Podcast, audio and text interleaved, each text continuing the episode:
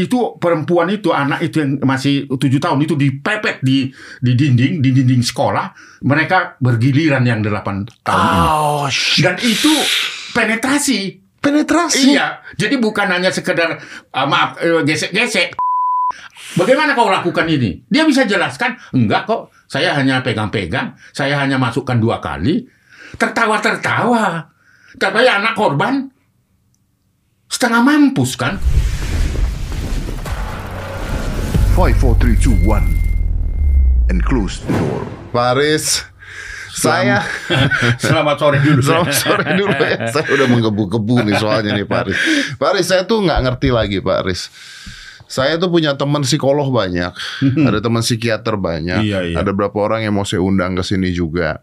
Tapi dari beberapa teman saya itu mengatakan bahwa ini udah di luar nalar, kayaknya ilmu psikologi gua juga kayaknya eh ya nanti gua riset dulu deh. Pokoknya ini udah nggak masuk akal. Iya, betul, Saya juga sebagai orang yang mendalami ilmu psikologi ketika saya di rumah ngobrol sama anak saya, ngobrol sama Hmm, Betul. istri saya, saya sampai mikir ini kayaknya udah nggak udah nggak ada di nalar saya, Pak.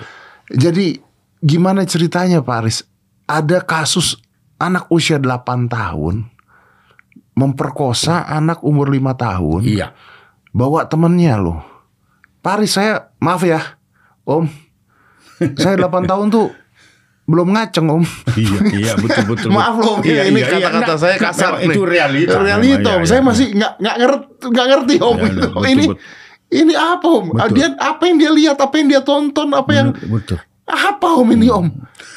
Iya, jadi eh, sebelum saya jelaskan itu, Ah. Bung Deddy, eh, secara nasional memang kita saat, saat ini sedang darurat kejahatan seksual. Banget. Kenapa kita katakan darurat? Karena eh, bayangannya eh, pelaku-pelaku kekerasan itu kan orang dewasa. Iya. Nah sekarang anak-anak bahkan di bawah 12 tahun, bahkan tadi Bung Deddy mengatakan 8 tahun, dan kami juga menerima pengaduan-pengaduan seperti itu dan korbannya juga ada yang lima tahun, ada yang tujuh tahun dan sebagainya. Berubah kan? ya? Berubah, sangat berubah. Itu artinya wajar kalau kita mengatakan Indonesia itu darurat kejahatan seksual. Saya angkanya cukup tinggi dan pelakunya di luar dugaan dan nalar kita. Di luar nalar kan Om? Jadi kalau ada psikolog-psikolog tadi sudah tidak nyambung lagi Iya. karena modusnya juga juga berbeda.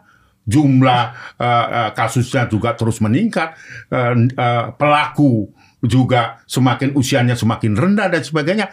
Di luar akal sehat kami saja atau saya dengan teman-teman komisioner yang di Bingung. beberapa daerah bingung bikin apa. Apa ini yang terjadi gitu belum lagi kita diperhadapkan kalau dia pelakunya maka ada keringanan-keringanan karena masih anak. Iya. Padahal perilakunya sudah seperti Orang orang, dewasa. dewasa. Melakukan iya tadi itu melakukan kejahatan seksual seperti orang dewasa. Iya om. Nah ini, ini kan saya saya coba meneliti om ya. Maksudnya karena saya dari psikologi juga saya coba meneliti. Biasanya kan orang-orang yang seperti itu bisa karena satu trauma masa kecil. Betul. Trauma masa kecil dari mana dia masih kecil gitu. Iya, Om, iya, ya. Iya. Terus mungkin eh, dia punya ya kelainan seksual Hmm. atau mungkin dia orang yang terlalu introvert terus dibully dan sebagainya Hmm. atau memang dia memang eh, seorang yang eh, memang ya penjahat kelamin aja gitu ya. Iya. Eh, psycho aja gitu ya. Nah, ini teori-teori ini nggak masuk ke ke logika saya ketika anak usia 8 tahun. Paling yang masuk cuman sosialisasinya doang. Eh, gini, gini, efek sosial. Nah, efek sosial saya saya pernah dengar gini, efek sosial Om ya. Anak di usia 12 tahun sekarang Om Mm-mm. bisa melihat wanita telanjang Benar. Dalam waktu 15 menit lebih banyak dia bisa ngelihat dibandingkan raja paling berkuasa di zaman dulu seumur hidupnya. Mm-mm. Karena sekarang kalau mau ngelihat cewek-cewek seksi tinggal buka sosial media. Iya, betul. Jadi itu menurut saya pengaruh. Tapi usia 8 tahun, Om. Ini fenomenanya apa, Om? Apa yang harus dilakukan gitu sekarang? Iya, jadi memang itu kan fakta ya, dan itu membuat kita cemas sekarang ya. Ah. Eh, Komnas Perlindungan Anak saja cemas gitu ya, karena Kan yang harusnya ada lindungi. iya, iya, seharusnya harus dilindungi kan. Tapi ini pelaku. pelaku dan korbannya juga lebih mudah lagi Iya. kan. Lalu eh, hukum kita mengatakan anak itu la- me- eh, ketika melakukan kejahatan yang merupakan tidak pidana seperti yang dilakukan seperti orang dewasa itu tidak boleh dihukum lebih dari 10 tahun. Nah, bagi keluarga korban kan nggak bisa terima ini Ya, kan. pasti. Itu satu. Lalu kemudian pertanyaan mendasar faktor apa yang mendorong? Nah. Kok anak 8 tahun sudah melakukan seperti tindakan orang dewasa sekalipun mungkin dia terinspirasi dari uh, media sosial dan sebagainya. Tapi kan? nggak semudah itu juga. Tidak. Ya. Nah, itu berarti kan uh, harus ditarik bahwa ada uh, apa namanya pola pengasuhan yang salah. Ya kan? Orang tua uh, memberikan uh, rambu-rambu uh, nilai-nilai yang ada uh, yang seharusnya dimiliki oleh anak itu. Sekarang sedang runtuh Bung Dodi. Bung Dedi sudah runtuh tidak ada. Sehingga dia terinspirasi dari tayangan-tayangan apakah itu disuguhkan oleh media sosial dan sebagainya. Itu faktor-faktor yang mendorong. Di samping rumah itu juga tidak lagi bersahabat bagi anak untuk mendiskusikan apa pun yang terjadi dalam dirinya. Om Om tetap mengatakan bahwa ini pengaruh eh, sorry, bukan pengaruh tapi tapi pola didik orang tua. Iya iya salah satu ya. Atau ketidakhadiran orang tua di dalam kehidupan seorang anak bisa membuat salah satunya Ah, bisa membuat begini Bu- Bung Dedi ada orang tua ada bapak ada ayah di rumah tapi tiada saya paham. iya. Kan itu kan ada dia fisik ada, tetapi nilai-nilai pengajaran ya kan yang sepatutnya nilai sosial dan seterusnya itu sa- sa- sama sekali tidak ada. Dan mungkin juga pengaruh gini kali Ome. Ini ini kalau saya mencoba menelaah Ome itu satu. Yang kedua mungkin secara hormonal manusia sudah berubah juga kali. Oh iya iya itu itu pengaruh juga itu ya. pengaruh juga mungkin. Kalau gitu. zaman saya kan dulu ma- makan ikan asin sama daun ubi dan singkong. Iya. kan. Sekarang kan semua Udah suntikan semua, tuh. Semua kan Iya, itu udah menumbuhkan chemical. eh, menumbuhkan apa ya hormon dan sebagainya. Hormon-hormon lain ya. Jadi dia bisa berperilaku eh, seperti orang dewasa tapi fisiknya seperti masih anak-anak dan sebagainya. itu juga pengaruh Itu juga. pengaruh juga. Iya, Tapi biar bagaimanapun kalau ada orang tua, ada agama, ada pendidikan yang benar dari keluarga harusnya bisa dicegah dong. Itulah yang kita harapkan bahwa keluarga itu harus dicipta, eh, diciptakan yang terus ber, beribadah. Beribadah itu kan bukan berarti kita mendirikan rumah ibadah kan, tapi terus kita lakukan hal-hal yang baik eh, sesuai dengan pengajaran eh, agama kan gitu ya. Ya, ya. Nilai-nilai Ya, maksud saya, ya. nilai-nilai sosial, nilai-nilai kebaikan, nilai ke, itu runtuh. Runtuh dah ya. Ya sudah runtuh. Tap- tapi Om gini, how you deal with this? Maksudnya ketika Om adalah eh, seorang aktivis pembela anak gitu. Ketika pelakunya juga anak 8 tahun ya. I'm not talking about 15 tahun gitu. 15 tahun menurut saya sudah mungkin melakukan hal tersebut gitu. 8 tahun. Ini kan tadi kita udah kita udah eh, setuju bahwa ini di luar logika. Nah, Om sendiri sekarang di posisi Om sendiri, anak usia 8 tahun ini harus diapakan? Saya nggak bisa terima dan bingung saya sebenarnya kan. So, belum lagi kita eh, dihadapkan dengan eh, hukumnya karena di Indonesia dan berlaku secara universal bahwa anak itu tidak boleh dihukum lebih dari 10 tahun hukuman mati, hukuman seumur hidup dan dan itu juga hanya dijalani walaupun itu 10 tahun ditentukan oleh pengadilan itu hanya sepertiga gitu loh. Tapi kalau itu, kalau itu didiamkan dia eh, besarnya bisa lebih gila daripada sekarang dong. Bung Deddy saya pernah membela seperti itu untuk membangun kesadaran. Ah. Ketika saya keluar pengadilan, ya toh, sebagai saksi ahli, saya dilempari pakai tomat loh. Kenapa kau bela eh, ini pelaku? Itu usianya waktu itu 8 tahun. Korbannya adalah 6 tahun. Dan 8 tahun itu eh, anak pelakunya itu tiga orang, ya. Pe- eh, korbannya 7 tahun itu eh, perempuan. Bayangkan Bung Deddy, itu visual yang di- diberikan kepada saya, itu perempuan itu, anak itu yang masih tujuh tahun itu dipepet di di dinding, di dinding sekolah, mereka bergiliran yang delapan tahun ini. Oh, shit. Dan itu penetrasi. penetrasi. Iya, jadi bukan hanya sekedar uh, maaf eh, gesek-gesek, tapi Penetrasi. saya ketika saya eh, eh, teliti itu masuk. Artinya ada Delapan tahun. 8 tahun itu tiga orang. Itu artinya di bawah 18 tahun. Ketika masuk persidangan, saya kan katakan ini tidak boleh dihukum sampai seumur hidup. Eh apa? Hukuman eh, lebih dari 10 tahun. Bahkan seumur hidup dan sebagainya. Karena hukumnya seperti itu kan. Iya, seperti iya, hukumnya seperti itu. Ah. Dan kalaupun ditemukan itu ada unsur perencanaan, Ah. kan bisa ya. Iya. Tetapi itu tidak disadari oleh anak sebagai unsur perencanaan. Ah. Tetapi itu bisa terjadi juga spontanitas dan sebagainya kan Iya, begitu. iya. Inilah yang tadi pertanyaan Bung Dedi. Saya sangat sulit untuk memberikan edukasi. Tapi saya nggak menyalahkan Om Aris. Saya juga nggak nyalahin yang ni- nimpuk tomat. Oh, iya, iya, itu. karena itu fakta. karena itu membingungkan Om. Betul. Ya itu artinya juga eh, saya selalu juga menilai apakah ini memang dipahami oleh si pelaku anak 8 tahun itu sebagai kekerasan seksual atau pelecehan atau perkosaan kan gitu. Iya, iya. Nah ini kan perlu psikolog Ah, dan psikolog sebagainya. yang Tapi penting. psikolog sekarang juga pasti akan kayaknya kan belum pernah ada kasus gini. iya, jadi memang ya sulit u- u- untuk untuk menemukan itu karena di luar nalar kita. Saya aja ya, ini angkanya bukan kecil loh. Hah? Banyak. Banyak. Banyak sekali. Nah, ini beberapa waktu lalu kan kita eh, apa menemukan eh, lebih ada tujuh orang ya tujuh eh dari sepuluh ada tujuh orang adalah masa usia anak di bawah 12 tahun melakukan kejahatan seksual secara bergerombol istilah saya ya eh, bersama-sama anak tujuh tahun di salah satu apa di Jakarta Utara ya di ke- di taman kota dan sebagainya itu anak-anak di bawah 12 Oh, tahun shit. Dan melakukan seperti eh, serangan seksual seperti orang dewasa. Penetrasi. Iya. Kalau misalnya ki- eh, eh, eh, waktu kecil juga kan kita pernah main-main Ya, sama anak-anak colek-colekan ya. apa gitu. Pa- Tapi paling- tidak ada orientasi untuk Paling itu. pada saat kecil itu kita ini pakai serutan kaca tuh. Iya, iya kan supaya tahu kita Ya, eh, kelihatan oh, gitu, gitu. ya. Terus udah gitu kita ketawa TV, tapi nggak ada nggak ada Nggak melakukan, nggak melakukan eksekusi. eksekusi gitu loh. Iya. Cuman dan itu juga kayaknya iseng gitu loh. Iya, Kayak itu- cuman seneng-senengan iseng gitu doang gitu. Ini Dan itu memang Wow. eh, gini Bung Deddy, itu adalah wajar saja karena memang pada masa anak sampai remaja itu kan kita punya masing-masing energi, toh. Hmm. ada energi biologis, ada energi eh, sosial dan sebagainya gitu ya. Itu ada di, di, dan di- tidak tersalurkan menurut Om. Iya. Wah, karena apa? Eh, pola pengasuhan juga yang perlu saya pertanyakan karena itu pengalaman empiris kita loh menangani perkara seperti ini. Ini Tanjung Priok loh itu tujuh orang. Belum lagi di apa eh, di Siborong-Borong ya. Dari 10 juga pelaku kekerasan seksual terhadap anak ya. Itu dilakukan oleh anak juga di bawah usia.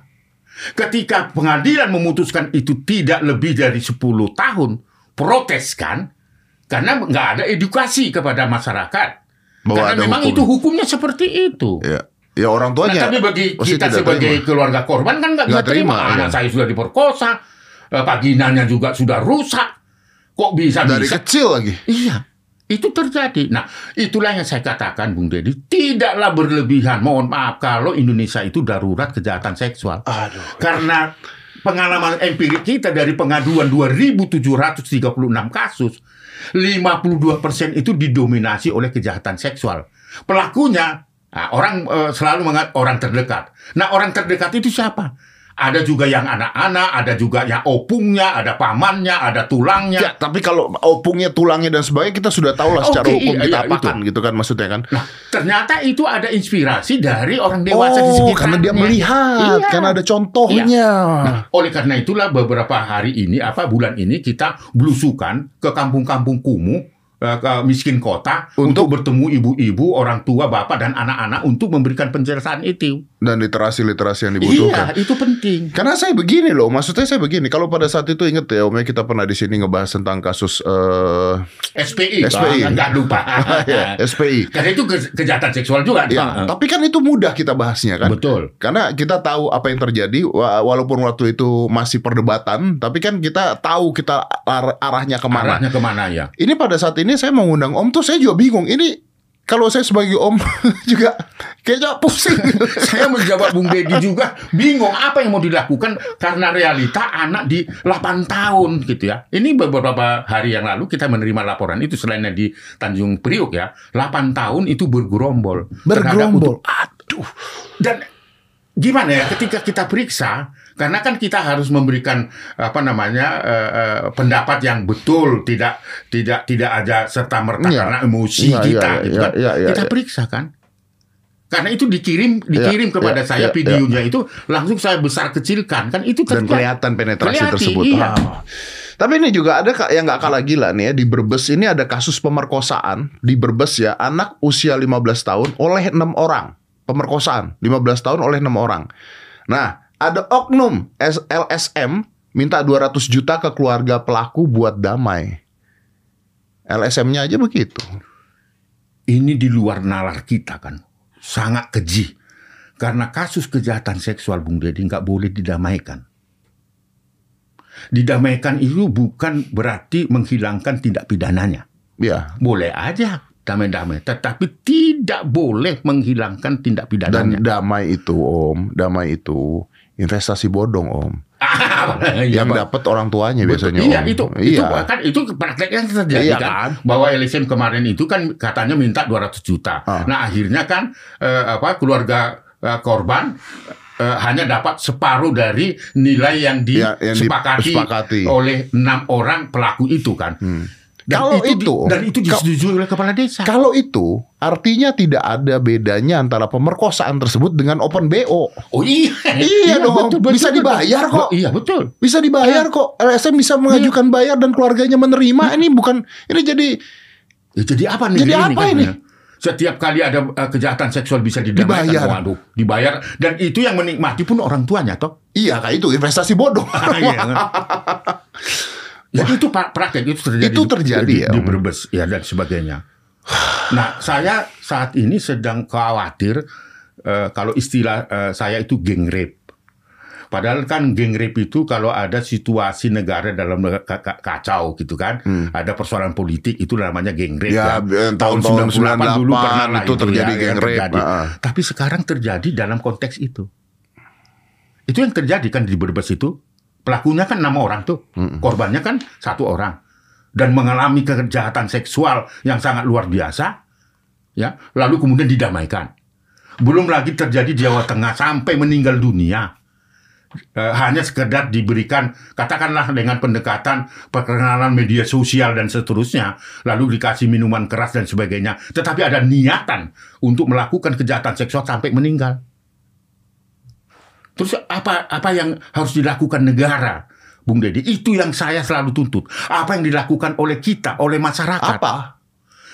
saya nggak bisa jawab Ya, itu kalau kalau kalau kalau dalam konteks anak tadi umur 8 tahun tadi apa? Bisakah kita mengatakan bahwa itu murni eh, pemahaman anak 8 tahun eh, 8 tahun itu adalah kejahatan seksual? Tapi saya bisa mengatakan begini nggak Om? Maksudnya begini, sekarang Om ya sebagai seorang tokoh ya, tokoh eh, yang selalu membela anak gitu Om ya. Di saat kasus-kasus seperti ini terjadi perdebatan dong Om berarti Om. Di dalam otak, dalam hati dan sebagainya Bukan Om. saja dalam hati ini gemeter loh. Jadi kalau kita punya apa eh, eh, penyakit bawaan jantung, wow berdebar itu, ya kan? Iya kan? Karena aduh gimana ya? Ketika waktu saya eh, bertemu dengan pelaku masih anak-anak itu nggak bisa ngomong. Nggak bisa ngomong. Ini karena antara anak, karena yang anak itu ngomongnya juga Om cuma dua kali kok Om masuk. Ngomong gitu loh. Ngomong anak. gitu. Terus apa mau saya jawab Bung Dodi? Padahal ini yang biasa, padahal Anda- padahal Om punya pemikiran sejak dulu adalah membela anak-anak. Betul. Tapi ketika ketemu anak seperti bisa ini, nggak bisa ngomong blank semua itu udah pasti. Makanya saya bilang sama staf saya, kalau boleh difasilitasi sekali tiga bulan saya diperiksa psikolog deh. Stres, Bung Ded stres dan angkanya tinggi. Terus ini mau dibiarkan. Dan kemudian masyarakat juga, ya itu urusannya Komnas Perlindungan Anak. Boleh begitu? Tidak, ini urusan kita bersama. Maka, maka ketika saya diundang ke sini, saya sangat sangat antusias karena saya harus cerita ini kepada publik. Ini loh keadaannya, nggak boleh ditutup-tutupi, nggak bisa. Ketika kita berhadapan sebagai saksi ahli katakan diminta atau eh, saksi eh, yang menjelaskan persoalan itu mau ngomong apa? Karena memang faktanya anak dia cengingisan. Saya tanya kenapa? Berapa kali? Nah, misalnya itu tanya ya coba detail. Cuma dua kali kok om. Itu juga ujung-ujungnya aja. Artinya bahwa dia sudah punya skenario untuk melakukan itu. Dan paham. Eh, Dan paham. Dan kalau ini dibiarkan mau jadi apa anak-anak kita yang masih di bawah 12 tahun itu. Ya itu tadi. Ya sorry deh. Saya selalu ya kebingungan apa yang akan mau kita lakukan. Kalau Ini- kita mena- hanya menyalahkan keluarga kan nggak cukup. Ya nggak bisa, nggak bisa. Ya kan Nggak- cukup. Ya nggak selesai juga. Anda mau Iya, nyalahin sampai kapan keluarga orang? Apalagi mau nyalahkan pemerintah. Pemerintah mau bikin apa? Mau bikin apa juga pemerintah juga bingung kali. Sudah pasti, sudah pasti. Dan itu sering kali bertanya kepada kita. Harus gimana? Terus kita mau ngomong apa, Bung? Hanya ya itu artinya caranya kita ya tetap harus mendekati eh, keluarga korban maupun Atau- keluarga pelaku. Atau dunia berubah sudah. Sangat, sangat. Pola pengasuhannya aja sudah berubah kan. Itu yang saya katakan. Ada bapak, ada ibu, ada ayah, ada mami, tapi tiada di rumah. Ini sangat serius. Karena anak membutuhkan sosok yang bisa ditiru. Jadi kalau ayah ibunya tidak bisa ditiru bagaimana? Menengah atas saja bisa menjadi pelaku kan. Iya. Lingkungan sekolah yang eh, kita harapkan steril terhadap kekerasan seksual itu terjadi juga kan. Iya. Banyak ponpes ya, sore-sore amat lah. Banyak terjadi dan akhir akhir ini juga kita menangani kasus kejahatan seksual juga korbannya kan anak-anak. Bahkan saya mendengar laporan itu ada ustazahnya juga jadi korban. Jadi kekerasan itu sudah menghantui. Kalau saya mengatakan bahwa ini darurat kejahatan seksual, iya dan harus kita kita tindak lanjuti. Karena apa? Semua orang tahu seperti semula saya katakan, pelakunya ada orang terdekat. Oke, semua orang tahu itu. Ada opungnya, ada paman, oke. Tapi ini anak-anak, Bung Deddy. Apa yang mau kita lakukan? Mau kita salahkan anak itu? Iya, Bu, mungkin kita mengatakan eh, salah, salah. Tapi bagaimana kita mau menyalahkan dan mencari solusinya bagaimana? Bagaimana? Belum lagi kita stres untuk mencari eh, formulasi menyelesaikan itu. Ini saya ketawa bukan ngetawain masalahnya, Om. Iya, ya. Saya Saya ketawa, ngerti, saya saya ngerti. ketawa karena bisa gila. Apalagi salahnya setiap hari kan. Saya setiap hari loh, setiap hari itu di Komnas Perlindungan Anak kalau ada 10 pengaduan itu bisa 5 6 itu adalah kasus ke- kekerasan seksual. Iya dan ini juga ini kan eh, di eh, Ponpes di Jember santriwati dan ustazah tuh juga jadi korban nih buat kalian tahu dan ada ruangan khusus untuk mencabuli ada ruangan khusus untuk mencabuli Dan kita tidak bisa masuk kamar dan istrinya juga tidak bisa karena pakai apa istilahnya ya? Sidik jari Finger itu. apa itu ya? fingerprint Ah, ah, iya. Nggak bisa. Dan itu jadi tren sekarang.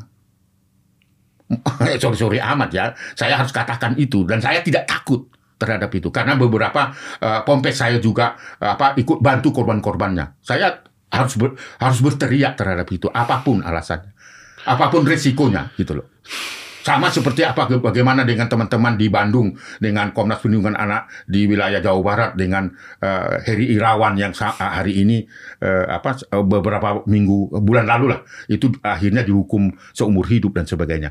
Persoalannya Bung Dendi, apa itu menyelesaikan masalah? saya tuh baca ya om ya pada saat itu ya kan lagi sama keluarga di rumah gitu baca terus saya termenung dulu gitu lima menit gitu Ya bisa jadi. Terus ya. saya bilang gini, kasus orang perkosa orang itu sudah biasa. Biasa dalam pengertian bukan dibiasakan ya, tapi sudah biasa terjadi. Kasus keluarga yang terjadi pemerkosaan itu juga sudah ada dan kita sudah tahu. Tahu, dan itu iya. kita tahu salahnya di mana, telaahnya gimana. Eh, ayah memperkosa anak kandung itu ada, Ada. gitu. Ayah memperkosa anak tiri ada. Saya pada saat lihat, saya kok belum pernah tahu gitu ya 8 tahun gengbeng sama lima tahun lah ini ini another level loh Betul. Betul, iya, iya. iya. another level loh Benar. yang sulit untuk dijelaskan sulit untuk diterima tapi anak-anaknya ini kalau kita biarkan bayangkan Indonesia nih nanti isinya orang-orang seperti apa Dan itu sudah dimulai, Bung Deddy.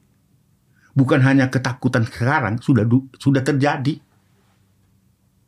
Sudah terjadi. Faktanya Iya, bu- bukan angka kecil loh. Kalau Bung Deddy ini kalau mengatakan nanti generasi penerus bangsa ini kalau diisi di, seperti anak seperti seperti menjadi apa? Ini sedang terjadi Bung Deddy yang harus kita cari solusi.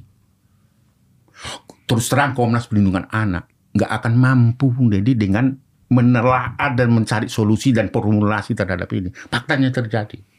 Mau kita salahkan media sosial, kita kita hanya eh, se- sekedar ya salahkan Anda orang cuma tua. bisa nyalahin doang Iya, Iya. saya tidak mau itu. Bagaimana mencari solusi yang terbaik dan formulasinya. Karena ini beda sekali Om ketika kita ketemu dulu Om ya ketika kasus itu kan Om Wah marah sekali itu dan Om jelas marahnya ke mana tuh Om tahu gitu loh apa yang diperjuangkan Karena tahu gitu kan ada sasarannya Nah, gitu itu. kan Ini angkanya banyak dan itu bukan hanya terjadi di di Jakarta saja atau di sekitar kita. Hampir di seluruh Indonesia kami menerima laporan itu. Dan memaksa kami harus hadir menemui pelaku dan korban. Kalau itu aja ada di Papua di Bintuni sana, bagaimana kita mau datang ke situ? Kita biarkan habis. Belum lagi itu ada kasus-kasus yang kasus kejahatan seksual seperti itu, itu dibebaskan. Masih ada kan? Membuat kita kecewa. Kita berjuang puluhan tahun pati hanya sekedar tidak ada alat bukti dan sebagainya langsung bebas. Ya. Atau damai. Eh, ini terjadi di Brebes itu kan? Iya. Itu di, di Oh ya kalau saya mau mengatakan itu biadab itulah memfasilitasi ada perdamaian. Ya kan? Ini sesuatu yang harus betul-betul ada penegakan hukum. Kalau Bung Deddy mau, sorry, kalau saya harus marah, harus marah. Nggak bisa tidak. Ini anak-anak yang nggak tahu apa-apa jadi korban dan jadi pelaku. Siapa orang yang yang mengajarkan anak jadi pelaku? Pasti orang dewasa toh. Hmm. Dan orang dewasa ini harus bertanggung jawab terhadap perilaku anak yang melakukan kejahatan seksual yang usianya di luar. Tapi membuktikannya juga susah. Itulah, That's the karena persoalan anak. Itu masalahnya membuktikannya juga susah. dua alat bukti anak-anak dengan anak-anak misalnya ya. Ah. terus mau dibawa ke pidana selain hukumannya tidak bisa dan kalau di bawah du- eh, 12 tahun itu pendekatannya hanya eh, pendekatan penyelesaian Ya. lewat diversi tidak lewat pengadilan Ya. dan itu pun sudah ada hukumannya kenakan tindakan saja sekalipun anak melakukan perkosaan seperti orang dewasa maka hukumannya tidak pemidanaan toh Ya. tetapi dia hanya tindak tindakan dikembalikan kepada orang tua atau di eh, di- diasuh oleh eh, pemerintah Ya. atau negara kan Ya. Nah ini kan problem bagi kita. Oleh karena itu undang-undang sistem peradilan pidana anak itu harus diubah. Om setuju. Setuju saya. Walaupun itu anak-anak. Iya, Anda kan sebagai perlindungan anak, tapi Anda setuju untuk anak dihukum juga. dihukum dalam arti tidak pemidanaan. Jadi apa? Itu tadi tindakan tadi. Ah. Tindakan nanti kembalikan kepada orang tua setelah di assessment orang tua itu masih layak nggak dia untuk men- mendidik. Kalau tidak itu harus take over eh, pemerintah. Tapi apa yang terjadi Berarti rehab. Ya bisa saja ya memberikan kesempatan untuk berubah. Karena masih dunia anak kan. Karena kita pahami bahwa apa yang dilakukan belum tentu disadari itu adalah kejahatan seksual kan Hmm. bisa begitu karena usianya. Tetapi ada juga yang eh, saat ini sedang bertumbuh dengan hormonitas tadi itu Iya. ya mengakibatkan dia mengimplementasikan apa yang dia lihat sekalipun di mulanya lucu-lucu tetapi itu dilakukan Ya, karena apa ke- dia ngajak temannya kan Ya itu dia. Itu Berarti kan dia ada- paham dong. Itu ada kesadaran. Nah, da- dari situlah sebenarnya ada pemilahan-pemilahan seperti itu, Ah. gitu loh. Jadi ada kesempatan kepada anak kita itu. Iya, tapi Tetapi tidak membiarkan, tapi memberikan kesadaran apa yang dilakukan salah. Iya. Ya, tapi sebagai orang tua yang anaknya diperkosa juga nggak akan terima. Ya, itu itu yang itu saya another kata- problem, Iya, it's another problem. Berarti kan harus ada edukasi terhadap itu kan. Belum tentu. Katakanlah anak saya misalnya, Eh. umur 7 tahun tapi diperkosa oleh anak 9 tahun, eh, 12 tahun dengan mengalami kejahatan seksual luar biasa. Dia, lo nggak mungkin kan? Nggak mungkin. Oh, udah. Pokoknya keluar tanduk lagi Iya, sini udah keluar tanduk dah Iya. itu, udah udah udah bodoh amat mau Itu. anak-anak mau enggak udah nggak Ya, peduli. kalau misalnya kita tidak anti kekerasan, bulldozer pun juga sudah kita betul, arahkan. Kan betul, itu ada betul. Itu manusiawi kan, Iya. manusiawi. Apalagi orang tua. Ini kita bicaranya orang tua lagi kan. Itulah yang kesulitan sekarang ini Komnas Perlindungan Anak dengan para untuk aktivis. menyelesaikan masalah Iya. seperti ini. Dan Om juga mengatakan ini masalah orang tuanya, salah pengajaran orang tua dan sebagainya. Masalahnya ketika Om ngomong begitu di pengadilan juga tidak ada pembuktian salah orang tuanya dari mana Nggak- mengatakan nggak bisa. nggak bisa dibuktikan kan orang tuanya ngajarin apa dan sebagainya. Sedangkan orang dewasa aja udah menemukan alat bukti kalau dia perkosaan kan susah. Susah. Apalagi anak-anak. Iya. Pergi dia ke kandang ayam. Masuk di itu terjadi juga ada di di, di satu daerah di Makassar ya. Itu eh, anaknya dibawa ke kandang eh, ayam dan itu dilakukan di situ. Siapa yang ngajarin itu Bung Ridi? Contoh. itu kan berarti orang sekitar kan nggak mungkin kan karena dunia anak kan du- dunia mengimitasi iya, dia melihat apa yang dilihat apa, yang, dilihat. dirasakan Iya, kan Betul, betul. Karena oh, anak itu masih berdasarkan apa yang dia lihat, mangkisi mangkidu. iya iya iya Ya, Ah. belum otaknya belum tercipta sempurna untuk berpikir dengan sendirinya. Betul. Ya, makanya harus ada contoh yang diidolakan. Nah, ketika idolanya ini ngaco ya dia jadi ikutan ngaco juga gitu Bung kan. Deddy percaya nggak ada anak 12 tahun hamil karena kejahatan 12 tahun mau bikin apa kita terhadap ini terus mau kita nikahkan itu 12 tahun Bung Deddy hamil yang saya tahu itu adalah itu bukan usia kematangan untuk orang hamil Eh zaman kayaknya zaman dulu belum mens tuh. belum sekarang ini kan ya Iya kan? Ya berarti kan hormonnya juga berubah kan itu, Om. itu itu juga katakan maka perlu ada eh, apa namanya edukasi terhadap itu. Iya, tapi kan artinya di sini sekarang harusnya kerjasamanya bukan dari KPAI doang, bukan dari mana doang, tapi di sini juga ada dokter, Oh iya, iya, iya, gizi apa, sebagainya iya, iya, dan sebagainya. Ini kerja berat loh. Sangat. Jadi kalau Bung Deddy katakan nanti kalau diisi oleh anak-anak seperti ini, ini sedang terjadi Bung Deddy. Ayo kita, saya ajak juga Bu Deddy. Saya ini sekarang sedang roadshow belusukan. Tidak mengundang ibu-ibu di kelurahan-kelurahan, khususnya di DKI Jakarta untuk satu pertemuan. Saya datang ke kampung itu dan di gang-gang itu untuk menjelaskan ini. Karena pelaku-pelaku kekerasan itu bukan saja khususnya pada kekerasan seksual, tapi anak-anak di kampung-kampung kumuh itu. Istilah saya eh, kampung miskin kota. Di daerah mana tuh? Jakarta Utara, di Koja, di Cilincing, ya. Oh, ke sana? Iya, sudah eh, sebulan ini sudah tiga kali, ya. Dengan bertemu dengan anak yang nggak pakai celana, masih ada di DKI, Bung Deddy. Nggak percaya? Ayo kita ke sana. Masih banyak anak-anak perempuan yang kecil-kecil nggak pakai celana. Itu di kampung-kampung kumuh. Apakah itu tidak potensial untuk eh, mengalami kekerasan seksual oleh kakek-kakek di situ yang eh, setiap hari Nontonnya bermain bokep. HP? Iya. Nggak bisa tidak, nggak bisa disalahin juga. Itu faktanya. Wah, kemarin kami baru dari kampung nelayan gitu ya, daerah miskin itu.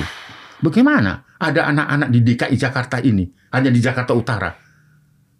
Sendal pun nggak punya, celana dalam perempuan juga, itu dibiarkan seolah-olah itu hal biasa.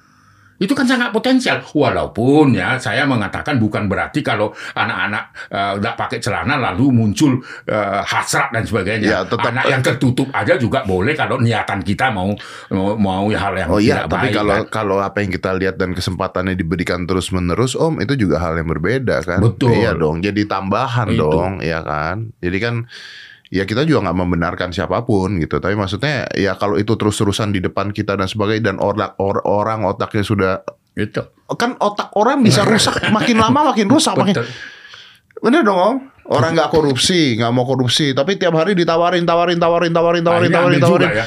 ambil juga kayaknya. Kan. Nah itulah yang mau makanya kan pencegahan itu kan Nah, itu maksudnya yang penting, kan. itu yang Iya kan? penting ya. Itu bukan menangani kasus ini. Artinya bisa aja kita selesaikan ada trauma healingnya dan sebagainya. Tapi kalau peristiwa itu terus terjadi, Doesn't solve the problem. dan- oh iya, tidak memutus mata rantainya Nggak, untuk apa? akan. Nah Iya. itulah yang saat ini juga jadi pergumulan eh, Komnas Perlindungan Anak. eh, ya mungkin Bung Deddy dengar ya banyak sekarang itu anak-anak itu menikah. Eh, Di bawah umur. mendapatkan dispensasi dari pengadilan hanya karena hamil di luar nikah. Iya. Oh banyak kan ada tuh. Iya, iya itu berarti kan ke- ada kegagalan di situ. Iya. Pertama, ada kegagalan pem- pemerintah untuk percepatan edukasi supaya Seksual. seksual anak-anak dan sebagainya. Ya Lingkungan karena sekolah begini juga. ada juga orang-orang dari pihak-pihak tertentu yang mengatakan bahwa itu tabu gitulah. Itulah yang, harus Itu kita tanggung bahkan di, di Malang ya di Jember itu ribuan loh.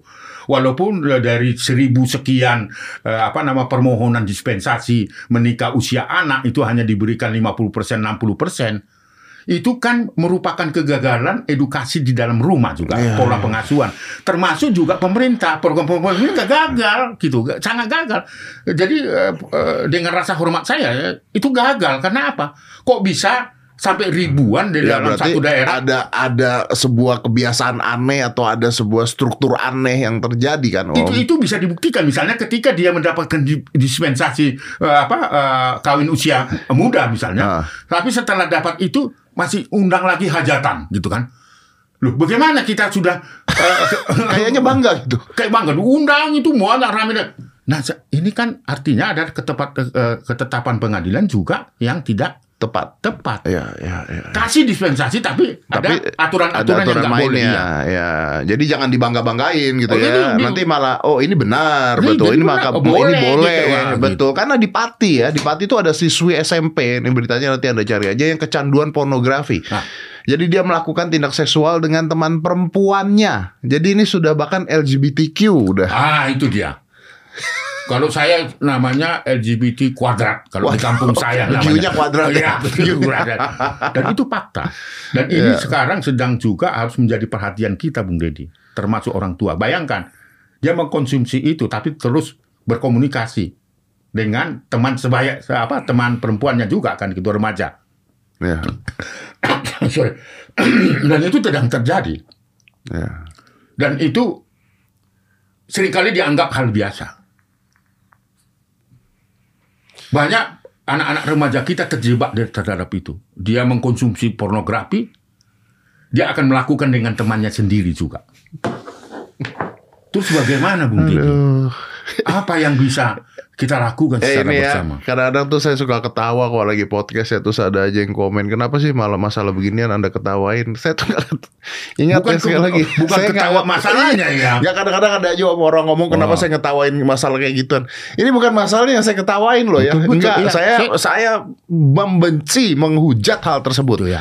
yang saya ketawain itu saya lagi berpikir ini saya mesti ngapain ya gitu loh kayak oh Iya, harus iya. ngapain ya pemerintah Seperti harus apa? ngapain Iya, ya mau gila loh om beneran. Saya baca itu tuh om beneran om. Sumpah om saya tuh ngobrol. Ngobrol sama keluarga saya sama anak saya sama saya punya anak Coba, angkat iya, juga. iya, hmm. saya berpikir what what the Iya. heck happened? Ah, iya. this is wrong gitu. Tapi nggak nggak pernah terpikirkan kalau itu bisa terjadi gitu loh. Tapi ternyata itu ternyata itu terjadi. Mau mau gimana lagi? Dan itu bukan sedikit. Banyak, itu ya. saya baru tahu juga ternyata banyak, hal seperti iya, itu. Banyak. Nah ini kan berarti kan ini kan banyak masalah yang harus diselesaikan. Pola asuh, orang tua, ekonomi, Eh, iya, persoalan ekonomi, ekonomi, juga. Iya. hormonal. Iya. Ini Banyak ini masalah, ya. ini bukan satu hal yang bisa diselesaikan secara kalau pencurian oke kita bisa pencurian mungkin gara-gara kemiskinan gitulah. Ini enggak loh. Dan dan kecanduan seks. Itu iya. Nah, Itu udah terjadi kan ini proses, eh, proses itu kan akan Ya. tumbuh dalam diri anak Ya, kan, gitu. karena karena seperti saya bilang om, anak kecil sekarang di, di bawah usia 12 tahun bisa ngelihat perempuan telanjang. Benar. 15 menit dia ngelihat perempuan telanjang lebih dari raja-raja zaman dulu ngelihat Iya, perempuan benar, telanjang sekarang tuh. Itu, itu kan fakta ya. Itu Ya. fakta. Ya, betul, betul, betul. Itu fakta. Nah, Kita yang udah dewasa ketika kita ngelihat kita masih bisa berpikir bisa terjadi anak-anak tersebut yang seperti Om bilang dia tidak tahu bahwa ini adalah sebuah kejahatan seksual Iya, itu dia. karena dia ngeliat lah orang biasa tuh begitu tuh Dianggap biasa. Dianggap seperti, biasa seperti dong. yang saya temukan tadi belusukan di kampung-kampung itu Iya. biasa aja dianggap. Anak nggak pakai celana biasa aja dianggap. Anak bermain-main apa gitu dengan handphonenya eh, tayangan-tayangan pornografi dianggap hal biasa karena memang bukan sekali dua kali kan sudah dilihatnya. Aplikasi-aplikasi kan juga sudah gampang. Eh, Dan itu ini membuat dan faktor pendorong salah satunya tentunya kan. Bagi saya adalah ini sudah kejadian. Solusinya eh, formulasinya bagaimana itu yang saya masih bingung Bung Deddy. Saya bisa ngomong ini eh, teriak-teriak seperti ini tapi apa? Tapi apa? Iya kan? Apa? Apa yang kita lakukan? ya biasanya kan kalau Om teriak-teriak ketahuan mau ke mana arahnya itu Iya, iya, jelas kan. Kalau ada satu sasaran kita bilang oke ini dihukum seumur hidup atau Wah, apa dan oh, marah-marah tuh kan. Iya, kalau ini apa? Mau marah-marah pada anak itu? Ketika kita tanya ada ada cengi- cengingisan, enggak om. Seperti yang saya katakan tadi, bagaimana kau lakukan ini? Dia bisa jelaskan, enggak kok. Saya hanya pegang-pegang, saya hanya masukkan dua kali, tertawa-tertawa. Tapi anak korban setengah mampus kan? Keluarga korban setengah mampus. Anak kita aja dicolak eh, eh, oleh te- oleh teman sebayanya juga kadang-kadang kita Emosi. emosi, kalau ini kan wah, apaan sih? Kayak merendahkan martabat Iya, gitu iya. kan ini apalagi di, di, dicegat di tengah jalan dibawa di dalam satu taman ya kan? Di pemancingan dan dilakukan eh, eh, eh, secara bersama oleh tujuh orang anak yang masih di bawah umur di bawah umur. Bukan hanya sekedar di bawah umur. Bagaimana kita mengatakan?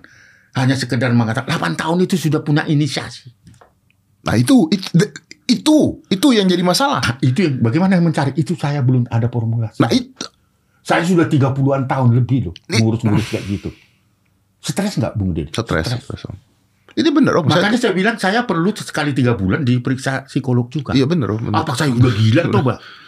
saya Tapi itu fakta. Bener, saya tuh waktu itu sempat mau bahas ini sendiri juga gitu. Tapi saya ngeliat dari musikologinya kok gua nggak pernah belajar kayak begini. Iya kan? Iya. Deddy kan belajar tentang itu, tapi kan yang kita udah ketinggalan ini. Iya, ketinggalan itu, ketinggalan. Udah ketinggalan gitu. Karena Karena banyak komentar psikolog itu kadang-kadang nggak nyambung juga. nggak nyambung jadinya. juga, nggak nyambung juga. Ya, anda Anda bisa berkomentar wah ini trauma lah, ini apa, ini Iya, apa, ini iya, apa. No, it doesn't work like that gitu maksud saya. Udah ada yang aneh karena gini, nih, ini ini menarik nih om. Karena sekarang dunianya sendiri sudah berubah menurut saya. Gini om, ada video misalnya di TikTok nih atau di mana gitu ya om. Ini cewek nih, dia sengaja Hmm. bikin konten. Dia nanya tukang gojek misalnya mau antar ke sini lewat mana ya om, tapi teteknya ditempel-tempelin ke muka. Coba ah, ah itu dia. Nah, makanya saya minta tuh para feminis, nah itu juga diatur tuh orang kayak begitu tuh. Ya. Karena itu juga pelecehan buat pria. Ya, iya. Terus kalau prianya tiba-tiba ngapa-ngapain disalahkan juga gitu. Jadi konten-konten yang keluar juga sudah seperti itu gitu dan itu dianggap lumrah loh. Itu kan mengerikan kan itu. Dan anak kecil kan ngeliat tuh. Oh iya, iya, iya. Apa yang dia lihat kan itu Apa kan yang dia lihat? Oh, nempel-nempelin Iya, tete iya, ke cowok iya. nih. Ya, lalu mengimitasi kan. Mengimitasi nih. Cowok ditempel-tempelin tete. Lama-lama ya. Oh. Itu kebalik kebalik sekarang itu. Makanya ya kalau kita bicara kekerasan, khususnya kekerasan seksual, siapa pun pelakunya, memang, aduh, gimana ya? Sudah dunia ini berbalik. Saya temukan laporan eh, di eh, salah satu tempat di Jawa Barat, Sukabumi, begitulah. Ibunya melakukan kekerasan seksual terhadap dua putranya. Ibu loh, ibu kandung loh. Ibu kandungnya memperkosa gitu. Iya. Dan dan setiap hari akhirnya itu digunakan oleh ibunya pemuas seksual ibunya. Itu fakta. Itu tak kami tangani. Wow. Ibu. Kebalik nggak? Kalau saya cerita itu ke kelompok ibu-ibu kan ibu-ibu jadi bingung kan? Bener nggak sih? Karena asumsinya pelaku kejahatan seksual itu adalah laki-laki. Ibunya dan itu bukan satu dua. Dan anaknya yang dipakai. Anak umur 13 tahun Kandung. sa- Kandung. Saya harus katakan kandung dan ikut saya menangani perkara itu. Terus saya jelaskan kepada publik. Nggak masuk. Karena apa dia yang dia pikirkan bahwa pelaku kekerasan itu adalah Lelaki. dengan lahirnya undang-undang tindak pidana kekerasan yang sekarang. Bagaimana definisi itu? Ibu-ibu loh melakukan. Ibu kandung loh, Bung Deddy. Bukan. Ini bukan. bu- bukan saya nangani perkara itu. Jadi saya juga jadi jantungan istilah orang Batak ya. Jadi jantungan saya gitu. Terus gimana? Belum lagi anak-anak, belum lagi ini bola. Aduh, itulah yang saya katakan ya darurat. Kalau dulu tuh jelas gitu om ya. Jelas. Apa yang diperjuangkan jelas gitu jelas. om ya. Ini, Kalau dulu ini ya, Om, ya. jadi nggak jelas gitu. Karena apa? Formulasinya kita nggak temukan. Iya benar. Karena di luar nalar kita, di luar strategi kita. Kalau ada satu kejahatan seksual yang dilakukan, katakanlah seperti SPI waktu lalu, Iya. kemudian targetnya dihukum dan sebagainya, itu jelas marah pun boleh dan marah ke pengadilan juga boleh dan sebagainya. Oke. Tapi ada hasil. Tapi ini mau ngapa- ngapain? Seperti yang Tanjung Priok, seperti yang Mau terjadi ngapain? di Seborong-borong Tapan Utara, Iya. pelakunya. Terus gimana? Telus Gimana? dada paling om. Terus iya. Terus kemudian dia setelah menjalani itu ada yang 9 bulan kan di, ditahan dan sebagainya. Lalu yang yang terus apa yang terjadi setelah itu? Kan harus ada penjagaan dan tidak ada monitoring terhadap ada monitoring terhadap hal tersebut. nggak ada. Padahal program pemerintah ada untuk itu melakukan monitoring terhadap anak yang sudah menjalani tindak pidana. Iya, orang narkoba aja kalau nggak dimonitor juga narkoba lagi. Iya kan? Iya. Itu loh, itu itu sekarang faktanya yang sulit untuk kita cari formulasinya. Tetapi dengan diskusi kita dengan Bung Deddy, saya kira saya akan mendapatkan inspirasi mencari formulasi bagaimana menangani ketika anak-anak melakukan kejahatan seksual dan kalau bagaimana mengantisipasi supaya anak tidak melakukan Oke, itu. saya balik Om. Kalau di pemerintah, kementerian apa yang harusnya turun? Ada Kementerian Pemberdayaan Perempuan dan Perlindungan Anak, ada Kementerian eh, Sosial, ya itu yang eh, apa tupoksinya untuk mengurus itu. Tetapi kan eh, tidak dua lembaga itu saja yang atau dua institusi atau kementerian itu untuk bicara tentang itu mencari so- solusinya, tetapi harus melibatkan peran serta masyarakat. Tapi kan. ini rumit tuh. sangat rumit, makanya saya bilang saya nggak pernah menyerah Bung Dedi eh, Ini rumit loh. dalam dalam perkara-perkara anak, tapi dalam perkara seperti ini saya saya katakan membangun kesadaran edukasi kepada publik saja untuk bahwa eh, anak itu tidak boleh dihukum seumur seumur hidup, hukuman mati bahkan hukuman 10 tahun sulit dan saya di- dilemparin tomat rumit, rumit, itu rumit. masih tomat dilemparin. Kalau yang lain kan Iya, repot awak. Kan Oh, ya. karena ini rumit loh. Ini belum dibawa ke HAM. Oh iya, itu, itu kan bagian dari itu sebenarnya. Iya. Kalau kita bicara HAM bisa dari dua sisi. Betul, betul. Anak yang memperkosa dan anak yang diperkosa juga Iya, bisa iya. orang tua kalau anak saya bisa eh, kalau saya punya anak digituin saya bisa bilang, "Oh ini hak Iya, anak iya. saya. Dan gini Bung Deddy, kalau kita bicara tentang anak eh, terlanggar haknya itu sudah pelanggaran hak asasi baik itu sebagai saksi sebagai Sudah. Nah, iya. Dan dua-duanya kena. Iya. Sa- Saya dengan diskusi kita, eh, eh, saya ingin kalau ada masyarakat yang punya formulasi menangani perkara ini, tolong deh, ayo Iya, kita iya diskusikan. benar-benar. Ayo kita diskusikan. Jangan biarkan anak kita itu.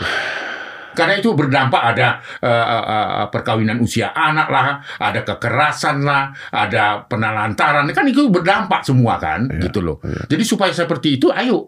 Saya kira hal yang baik menurut saya Karena kalau kita diskusi. kasusnya bukan sedikit ternyata ya, bukan sedikit. Ini kalau mau saya bacain, kalau mau saya tambah-tambahin banyak. Tadi saya juga tahu bahwa di Lampung nih ada anak perkosa ibu dan adiknya yang Nah, masih tuh. tujuh tahun. Coba tuh.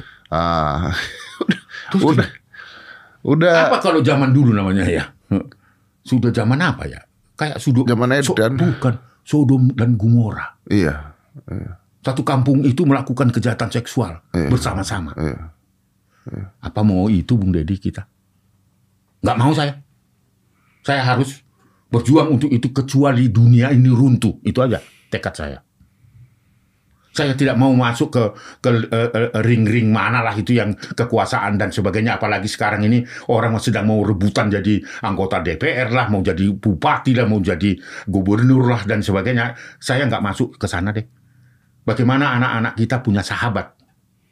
Maka mari kita ciptakan Bung Deddy sahabat-sahabat anak yang murni ya. Jangan yang seperti terjadi di Brebes itu. Harus murni dari dalam hati. Itu yang saya eh, katakan Bung Deddy. Tekad saya itu saya tidak akan mundur kecuali ini dunia ini runtuh. Kalau udah runtuh udah mati kita semua kan, sudahlah selesai. Kalau sudah mati awak kan kan tahu apa yang terjadi kan. Om saya mau tanya Om tapi sensitif Om. Silakan. Maaf ya Om. Iya. Om tuh sudah menyiapkan belum pengganti? Ini maaf nih Om. Ya, itu pertanyaan yang terus terus menerus saya terima. Saya terus berusaha, ya, terus berusaha dan mengkader, tapi tidak pernah tumbuh. Karena amit-amit ya Om ya. Maaf sekali lagi maaf ya. Saya ini amit-amit lah maksudnya. Om juga udah nggak muda kan Om. Saya sudah 63 dan sebentar lagi sudah mau pensiun Udah dalam mau usia. pensiun. Nah, berarti kan harus ada pengganti yang berani bersuara, berani bertindak, berani. Tapi fakta Bung Deddy, ada niatan itu dan mengkader hampir 10 tahun. Nggak tumbuh-tumbuh. Terakhir saya sudah, ini saya kan masuk eh, dalam periode berikut kan. Saya sudah nyatakan di eh, Danau Toba dalam rangka forum perlindungan anak memilih dan menunjuk pengurus yang baru kan. Saya sudah menolak. Dengan saya sedih ketika mereka mengatakan terus Pak Aris. Bukan saya bangga, saya sedih, saya sedih. Iya ya karena karena saya karena gagal. iya betul. Maaf ya, Ya, tapi saya iya. gagal. Saya jujur saja karena itu memang sampai cita-cita hari ini. Kalau ada pengganti kita yang betul, why, why not? Why not? Iya. Karena saya nggak membicarakan bahwa Om Aris akan meninggal lah apa enggak, tapi gini, tapi kan energi Om Aris itu Itu itu betul. Karena saya sendiri ya sekarang ini terus berjuang. Kaki saya ini kalau jalan pun sudah berat. iya, iya karena usia Ya, itulah faktor-faktor usia. Kan Iya. itu berarti kan harus ada pengganti. harus ada tumbuh orang-orang lain yang berjuang Belum- seperti belum- ini. Belum muncul. Mulai mungkin saya eh, dengan dialog ini hadirlah kawan-kawan yang tulus tentunya. Jangan memanfaatkan lembaga untuk kepentingan pribadi. Itu yang saya inginkan. Nah, Sulit untuk mengkader sulit, seperti sulit, itu sulit, kan sulit, susah, sulit, Bung sulit, sulit, sulit. Susah kan? Karena saya selalu mengatakan hidup Aduh. saya ini harus bermanfaat bagi orang lain. Titik di situ. Karena saya mati pun nggak bawa apa-apa. Tapi ke, misalnya kalau saya tiba-tiba katakanlah Tuhan berkehendak gitu meninggal dunia, Bung Deddy layat saya. Apa yang saya nggak lihat lagi Bung Deddy di situ. Ya. Bung Deddy mau ngomong apa? Tapi saya tahu Anda perjuangan Anda. Itu yang mau saya minta dukungan dari Bung Deddy. Bukan apa-apa. Bukan saya minta uang, enggak. Tapi bagaimana saya diberikan inspirasi, dorongan. supaya saya punya apa namanya kekuatan untuk apa yang saya ucap itu. Karena saya tidak mau apa yang saya ucap itu berbeda terhadap tindakan.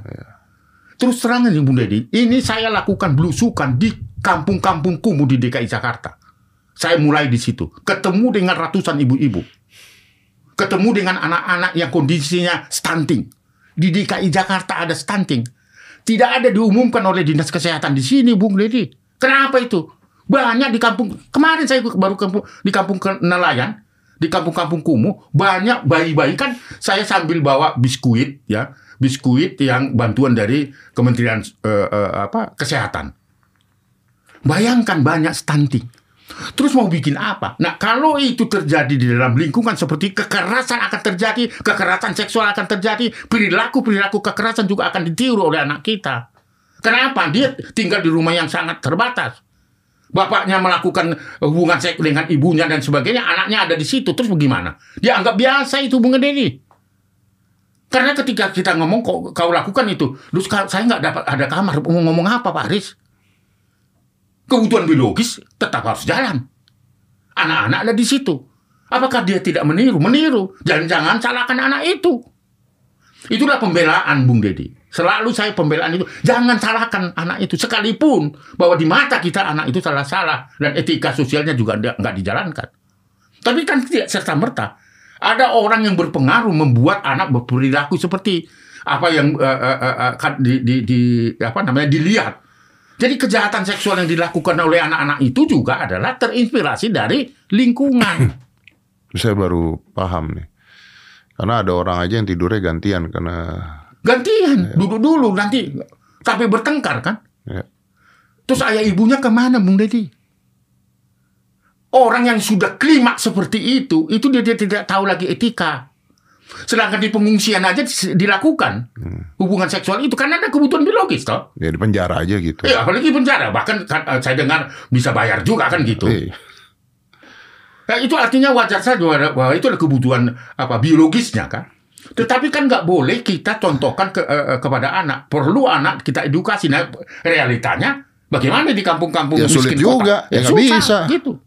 Ya kalau kita pergi ke Muara Angke, pergi ke Koja, pergi kampung nelayan, itu nggak ada tempat. Jalan aja kita sudah pet-petan begitu mau gangnya. Itu saya- sedang kita lakukan sebagai keprihatinan tadi karena apa?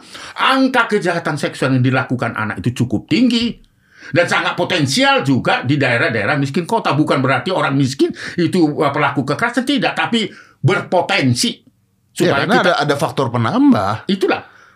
Jadi kan selalu orang mengatakan ya jangan kau salahkan orang miskin dong orang miskin jadi Loh, pelaku bukan menyalahkan tapi Nah, ada itu. faktor penambah Nah, itu- itu, itu dia. tetap ada biar bagaimanapun kita harus kita harus terbuka bahwa itu ada Betul. iya kita juga nggak bisa nyalahin eh, perampok itu orang miskin Iya, iya. tapi ya Iya, faktor iya. itu ada ya nggak bisa ngomong Betul. faktor tersebut ada Itulah yang eh, apa namanya? ya walaupun yang kaya yang rampok ya banyak ya om Ya, banyak juga gitulah ya. rampoknya lebih gede biasanya Betul.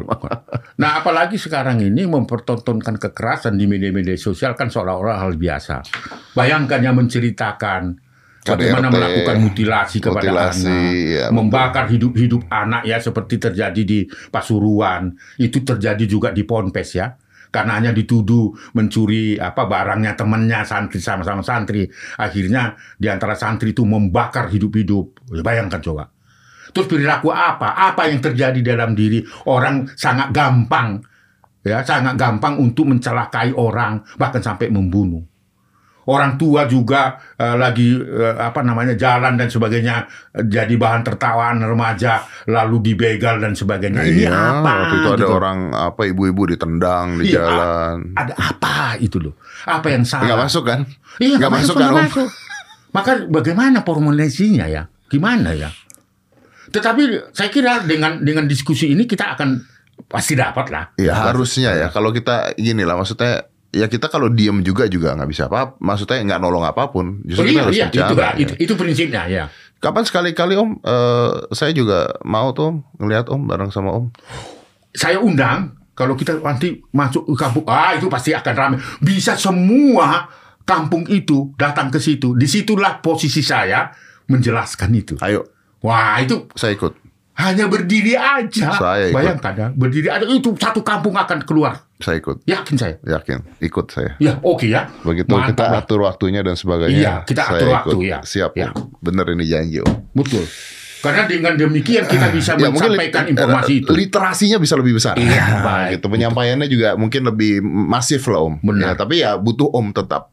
Iya sama-sama Oh, iya. kita sama-sama. Jadi kita Doain mungkin ya. lah, doain ya. Seperti apa Bung Deddy katakan ada kerinduan bagaimana kaderisasi dan sebagainya. Pasti akan eh, Tuhan akan memberikan jalan. ya. Mumpung lagi zaman kampanye, kita kampanye kebaikan aja Om. Itu dia, itu dia. Oh, Udahlah yang lain mau jadi calon apa kayak terserah lah. calon pendamping anak boleh lah. Ayo. Iya, iya, iya. Aduh Om, terima kasih banyak loh Om Sama-sama, ya. Ini sama-sama, Om pembicaraan kita nggak akan habis ya. Iya, Karena betul. kasusnya pun tidak Betul. jelas Iya, sebenarnya betul. ya. Apa yang kita bahas juga sebenarnya ini keresahan. Saya juga Keresahan, ya. Ini tuh sebenarnya keresahan juga. Makanya saya ngundang Om tuh kemarin tuh ini jujur ketika saya mau ngundang Om itu juga saya ngomong sama tim sama Ju- Juju kan. Iya, iya. Saya bilang saya mau ngundang Om Aris nih. Tapi saya berani taruhan saya bilang. Ini Om Aris juga bingung pasti. ya, ya betul, itu faktanya kok, fakta kok, fakta. karena karena fakta gitu Iya, karena iya. karena nggak ada di logikanya Om Aris gitu Betul. jadi kita harus mengedukasi semua lah orang tua pemerintah harus turun tangan semua harus turun tangan kalau nggak ya generasi penerus anda generasi penerus kita di Indonesia ya sudah mulai katanya Om Eh, Aris saya sudah mulai bukan bukan eh, ketakutan kita bukan sudah mulai. ketakutan sudah mulai Mulai, dan iya. kalau kita diamkan terus ya itu nggak tahu mau jadi Betul, mau iya. jadi negeri apa ini Iya. Ya Aduh. bisa bisa Sodom dan Gomora. nah jadi Sodom dan Orang Gomora tahu ya. iya Itu. ya ini dan kita kan tidak mau seperti itu Enggak, enggak, enggak boleh. Ya, kalau udah seperti itu kayaknya saya saya udah mati aja lah. Nah, iya kan? Apa? Enggak ada lagi Nggak harapan. ada apa harap kan? udah. Kita, kita mendingan gak usah lihat ya Oh, Om iya. ya. Mendingan gak usah lihat. Betul. Karena gak masuk kotak kita. ya jadi intinya harus ada pencegahan juga yang tepat. Jadi jangan cuma nunggu terus baru tangani nunggu tangani. Harus ada cara yang kita buat untuk mencegah hal ini. Itu caranya gimana? Ya udah harus diskusi besar ini. Kalau Iya. perlu DPR diskusi tentang Iya, hal ini. Betul. Gimana? Karena ini masa-masa paling penting dan mungkin kucurkan dana juga untuk Hmm. hal seperti ini gitu loh. Om sehat terus karena Terima Indonesia eh, masih dan selalu butuh Om pastinya anak-anak di Indonesia juga masih dan Amin. selalu butuh Om dan saya janji itu nanti kapan Iya, kita atur nanti sih waktunya di- di- waktu waktu waktu. saya Ya. datang ke sana Om. Baik. Terima kasih Om. Ya. Thank you Om ya. Merdeka. Merdeka. Uh, let's close it. 5, 4, 3, 2, 1. And close the door.